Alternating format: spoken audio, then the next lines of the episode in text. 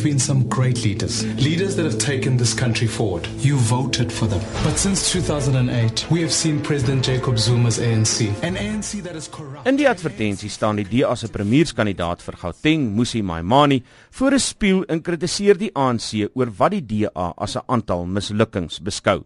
Volgens die advertensie neem president Zuma se ANC in teenstelling met die party van vroeë jare die land agteruit.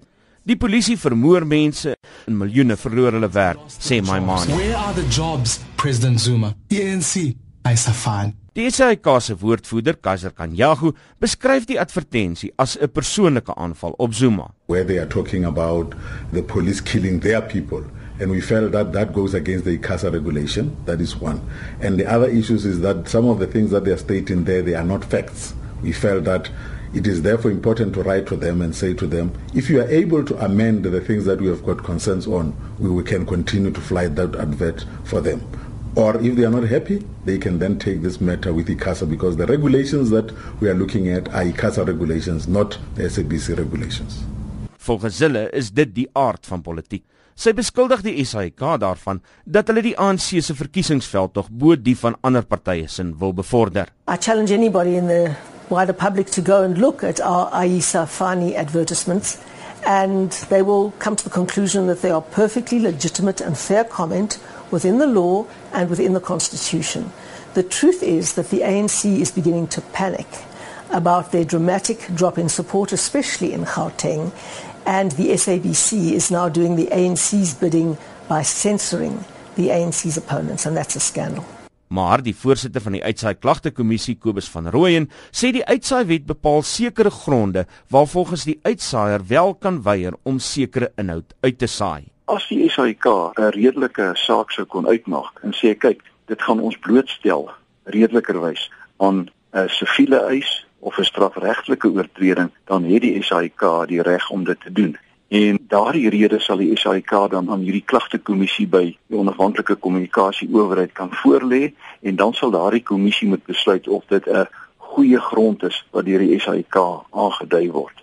En as hulle so bevind, sal hulle die klagte van die DA in hierdie geval van die hand wys. As hulle 'n ander beslissing bereik, dan sal hulle die SAIK kan verplig om voort te gaan met die advertensie. 'n Politieke ontleder aan Noordwes Universiteit se Potchefstroom kampus, professor Andrei Dievenage, sê die redes wat die SAIK vir sy weiering aanvoer is nie oortuigend nie.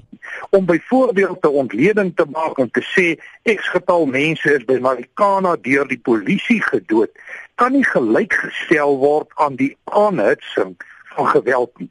So ek dink wat ons hier sien is 'n bietjie te 'n drastiese beoordeling.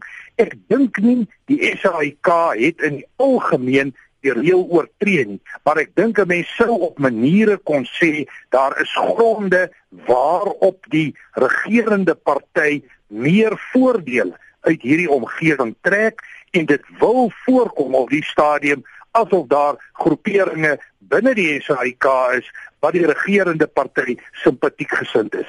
Die jongste drama kom te midde van beweringe van redaksionele inmengery by die SAIK se nuusafdeling. Die hoofsekretaris van die kommunikasie en uitsaai vakbond Bemawu, Hannes Dubison, sê hulle het klagtes van joernaliste ontvang wat beweer dat hulle werk deur onredelike inmengery ondermyn word. Soveel so dat daar onlangs by 'n beraad 'n besluit geneem is wat op skrif gestel is en dit is aan topbestuur voorgelê Ons is uiteraard baie bekommerd dat daardie tipe van druk op ons lede toegepas word en dat daar 'n sulke inmenging is en dat dit dan inderdaad toegelaat is. Dit is natuurlik ook die afleiding wat 'n mens kan maak as 'n mens na daardie dokument kyk wat opgestel is dat dit van so ernstige aard is dat hulle goed gedink het om dit op skrift te stel.